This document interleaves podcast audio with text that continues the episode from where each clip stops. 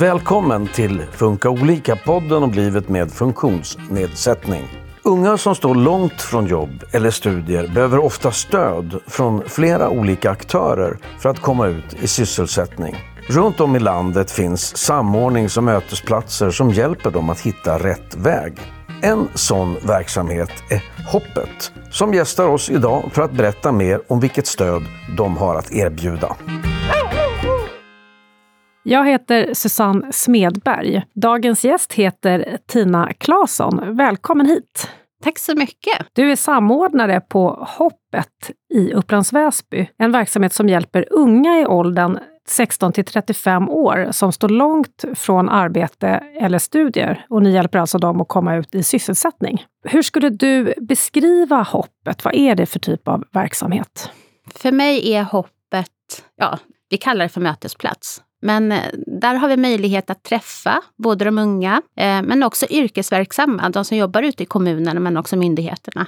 Eh, och Hoppet är en mötesplats för alla de här olika att träffas och lära känna och sen sätta igång och göra planer framåt.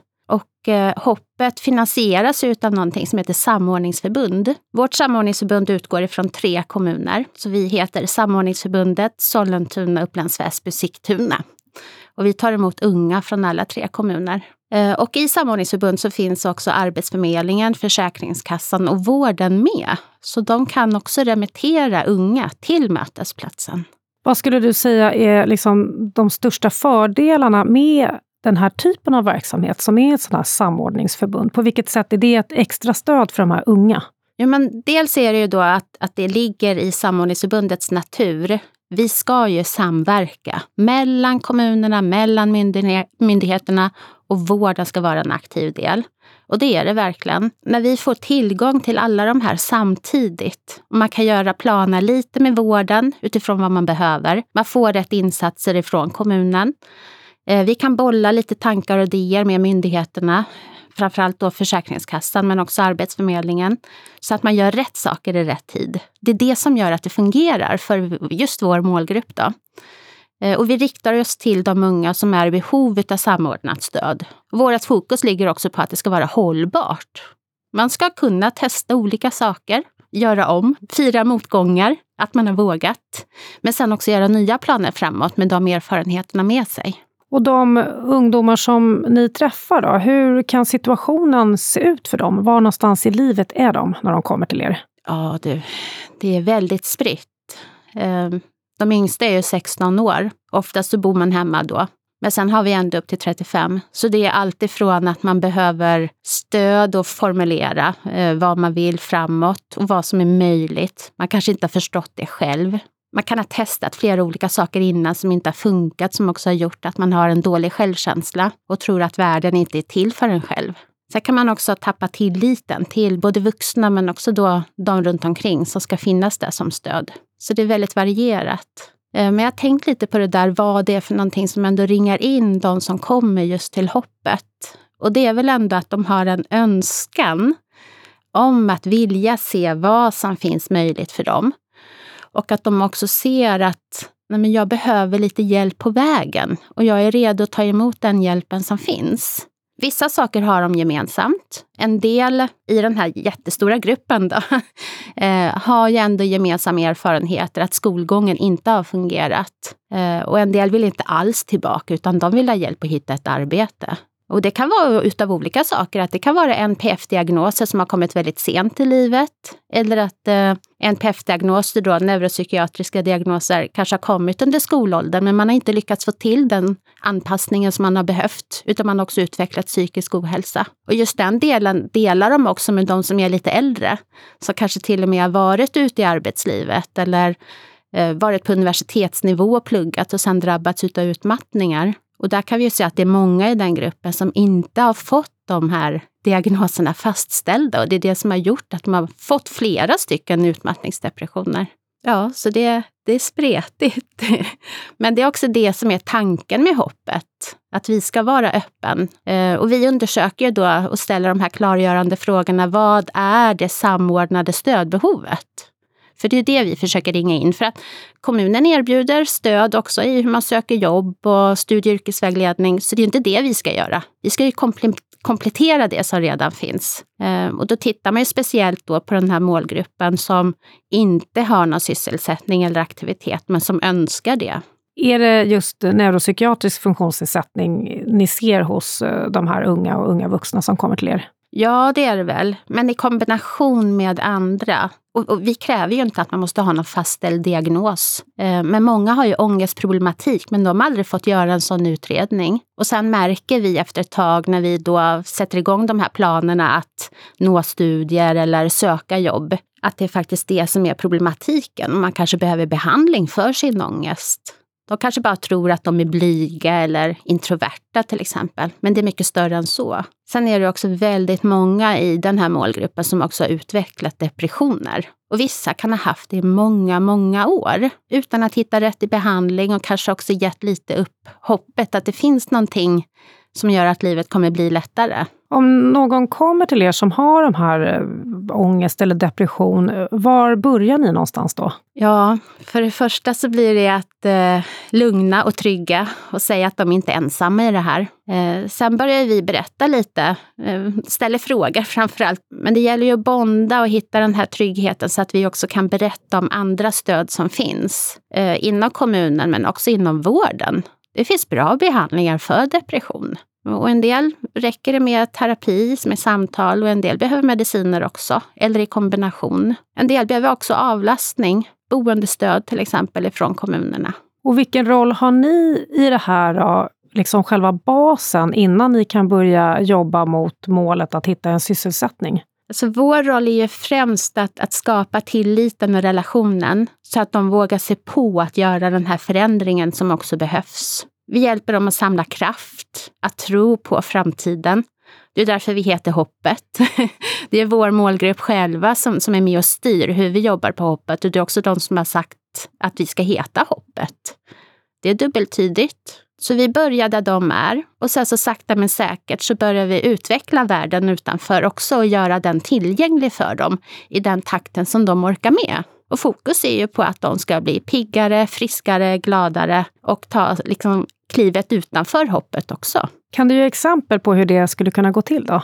Ja, men det kan vara att man börjar med en serie samtal till exempel. Vi har ju våra coacher på plats och vi utgår ifrån evidensbaserade metoder som är anpassade utifrån målgruppens behov. Vi har också tittat på den här danska studien, eh, BIP forskningen som visar på hur viktigt det är att göra parallella insatser och att coachen också tror på individen att du kommer nå det här. Du kommer få en anställning eller du kommer kunna liksom hantera dina studier utan att bli sjuk igen. Eh, där ser vi också att det behövs stöd under hela tiden. Men det gäller också att få individen till att tro på det själv. Och då krävs det erfarenheter. Så det är möten, det är studiebesök. Vi eh, bjuder in massa folk till hopp öppet eh, så att de får komma till den här trygga mötesplatsen. Eh, man måste börja skapa relationer med andra som man inte känner så bra och känna sig lite säker på det också, hur man gör det. Och det är också det som mötesplatsen är till för. Eh, det är många inom vården som remitterar till oss just utifrån det. Flera unga med social ångest till exempel behöver landa lite hos oss innan de är redo för studiebesök som sen kan leda till praktik eller om man behöver backa lite kanske starta med en arbetsträning istället. Men vi tar det små steg, så mycket som man orkar. Och utöver de här då eventuella föreläsningarna och eh, samtalen, vad kan man mer göra på den här mötesplatsen? Dels har man den här samvaron med andra deltagare. Det är det vi kallar för drop-in-tider. Och det sker ju flera gånger i veckan. Sen brukar vi erbjuda deltagarna via inflytanderådet att de är med och bestämmer vad som ska ske på hoppet. Eh, så de har direkt inflytande över mötesplatsen. Det är toppen också, för det, det blir lite lättare för mig då att säkerställa att vi gör rätt saker. Målgruppen ändras lite till exempel ett år så hade vi ett gäng som inte var färdiga med grundskolan och alla var intresserade av att studera. Så det året hade vi otroligt mycket studiefokus. Men året efter, då hade ju de börjat jobba. Och då var det ett nytt gäng som kom. Och eh, de var lite äldre och de allra flesta var färdiga med gymnasiet till och med. Så då förstod vi att men här måste vi rikta om oss lite. Nu är det dags att börja titta på arbetsgivare. Om det är någon som ändå är redo för att ge sig ut i eh, studier eller arbetspraktik, hur gör ni då för att hitta en passande plats? Eh, det här är också jätteviktigt.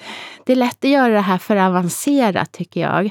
Men, men först och främst så handlar det om individen själv, alltså våra deltagare. Vad kan de och vilket nätverk har de? De allra flesta jobben idag sker ju via de egna kontakterna man har. Och det gäller ju också deltagare på hoppet. Så man måste ju stärka dem också, att de kan ta sig till jobbet. Men sen har vi då metoden supported employment till exempel, som vi kan luta oss mot. Och där finns det också upparbetade arbetssätt, hur man tillsammans med deltagaren närmar sig arbetsgivare. Eh, det kan vara att man eh, jobbskuggar till exempel. Man frågar om man får vara på en arbetsplats. Antingen deltagaren själv frågar direkt, eller så är det vi som gör det. Eh, de får alltid erbjudandet om de vill göra, för att det här, det här rör ju deras liv. Så de måste få vara med och bestämma hela tiden. Eh, sen kan man också anordna studiebesök eller att arbetsgivaren kommer till oss på ett första möte. Det som är lättast egentligen, att börja knyta kontakten. En del vill gå den vanliga vägen genom att söka jobb via Arbetsförmedlingen och Platsbanken. Och då är det det vi gör och förbereder dem inför en intervju. Så vi utgår mycket från vad individen själv är redo för och intresserad av. Och sen så låter vi personen få testa och vi stöttar. Och sen kan vi gå in och justera när vi ser att nej, men nu behöver vi gå in med lite mer handfast stöd. Och i supported employment så är det också att man stöttar arbetsgivaren. Alla har inte koll på NPF-diagnoser. Alla har inte koll på hur man gör enkla instruktioner.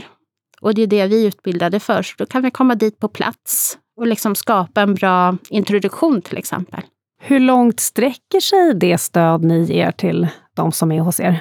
Ja, vi brukar säga när vi ser att det är hållbart. Eh, och det är väldigt mycket upp till individen själv som kan tala om hur länge det är. Det kortaste har väl varit ett par veckor bara. Men då har det också varit en person som kanske har lite mer erfarenheter med sig innan. Eh, och för en del så kan det vara ett par månader. Eh, jag har ju lite problem att säga hej då och adjö. Så vi har också skapat någonting som finns utanför hoppet. Att man kan tillhöra hoppets legacy. Eh, och då har vi möjlighet att ha lite kontakt med dem, även fast de är ute och jobbar och de har ingen pågående planering. Men det finns ju vissa då som tar kontakt att nu har min närmsta chef slutat, det här känns jättejobbigt, jag vet inte vad som händer. Och så kan vi ha lite kontakt under tiden, eh, bara för att stötta och liksom säkerställa att man ändå går till jobbet och försöker skapa en bra relation med den nya chefen. Eh, och då behöver man ju ingen planering för att ha kontakt, utan det är bara att man hör av sig, så har vi tid att ge. Om någon eh, har påbörjat en sysselsättning som ni har hjälpt till med och sen eh, faller ur det eller helt enkelt slutar, hur gör ni då? Plockar ni tillbaka personen eller hur kan det fungera i ett sånt tillfälle? Det måste vara ändå relativt vanligt eh, bland de här unga. Jo, men det är det. Och en del behöver ju påbörja kanske flera planeringar hos oss i olika omgångar beroende på vilken, vilket skede de är i livet också. Ehm, sen är det ju för den här målgruppen, de, det är ändå från 16 år ända upp till 35. Det är svårt med bostadsmarknaden i Stockholm, eh, så det kan vara mycket ovissa saker som gör också att de bor i någon av de här tre kommunerna då som vi tar emot unga ifrån. Det är ju Sigtuna, Upplands Väsby och Sollentuna. Men så kanske man flyttar till någon närliggande kommun och då får vi guida dem till någon liknande in insats som finns i den kommunen. Sen kan det hända att de efter något halvår eller år flyttar tillbaka och hör av sig själva. Så vi är väldigt noga med att påtala att om man tappar bort sig, om man tappar kontakten, så är det bara att ta upp den igen. Eh, och det är också en trygghet som gör att, att de vågar också ta klivet att börja plugga och studera. För att de vet att de är välkomna tillbaka den här själva mötesplatsen och den att träffa andra, på vilket sätt är det ett stöd för de här unga ut i sysselsättning? Vet du vad, jag tror inte jag fattade först när vi startade hoppet hur mycket stöd de får av andra. Men det är ju framför allt det här att de är inte ensamma. De träffar andra som har samma tankar, samma erfarenheter.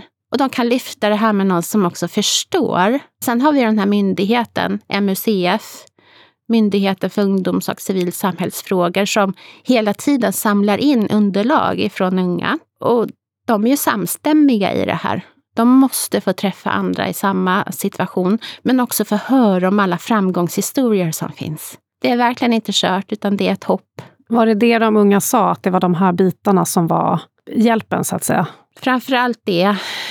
Och sen så den här kravlösheten att kunna komma till mötesplatsen även de dagarna de mådde som allra sämst. När de är hos er, eh, var får de ersättning ifrån? Det är också blandat. Ehm, det är det som är så roligt med hoppet, för i vissa insatser så kan man se att man sätter upp de här höga trösklarna och säger att vi tar bara emot dem med ekonomiskt bistånd. Eller vi tar bara emot dem som har aktivitetsersättning. Och eftersom vi har ända upp till 35 år så betyder det att vissa av våra deltagare kanske har sjukersättning eh, 50 procent, men ska söka jobb den andra motsvarande delen. Eh, så det är en blandning. Och, och, väldigt många av dem har ingen ersättning alls, utan de kommer på eget initiativ, på, på, på den motivationen de har skapat själva. Och det är fantastiskt tycker jag. För, för många gånger så tänker vi att det krävs någon form av ersättning för att de ska börja ta del av stödet som finns. Men så är det inte. De flesta vill ändå ha en sysselsättning, är det så du tänker? Ja, absolut. Och de är ju induschade i det här ända från de börjar skolan. Alla liksom vill göra rätt för sig. Antingen plugga eller jobba. Och alla vill ha sin grupp att tillhöra. Alltså det är ett mänskligt behov vi har. Av de ni hjälper då, hur många kommer ut i sysselsättning sen, även om det då kan ta olika lång tid? Ja, vi för ju statistik på det här. Eh, nu är inte siffrorna för i år färdiga. Men eh, förra året så tillhörde, tillhörde vi också ett eh, ESF-projekt som finansierades av eh, Europeiska unionen. Det gjorde att vi var lite fler eh, i bemanningen på hoppet. Så 44 procent av alla som avslutades, avslutades just för att de började studera eller jobba.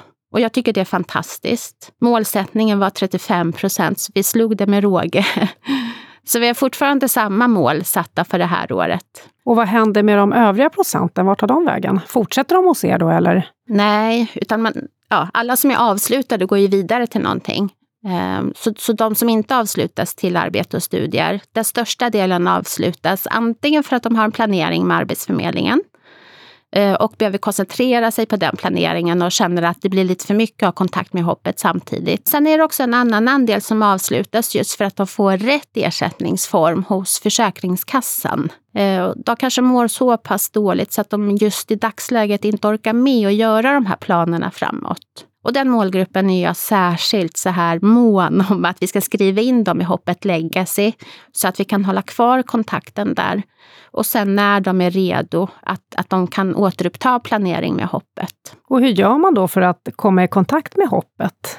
Jag tycker att det är lätt, eh, men vi får se vad andra tycker. Men man kan komma på någon av våra drop-in-tider, sticka in huvudet och säga hej.